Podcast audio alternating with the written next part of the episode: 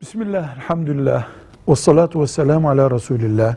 Kurban bayramında kesilen kurban, adak kurbanı değil, kurban bayramında kesilen kurban, herkesin yiyebileceği eti olan hayvandır. Kafir de ondan yiyebilir. Müslüman da yiyebilir, fakir de yiyebilir, zengin de yiyebilir. Kesen de yer, kurban kesmeyen de yer. Kurban bayramında kesilen kurban, kesimi bittikten sonra, kanı aktıktan sonra hayvanın eti herkese helaldir. Velhamdülillahi Rabbil Alemin.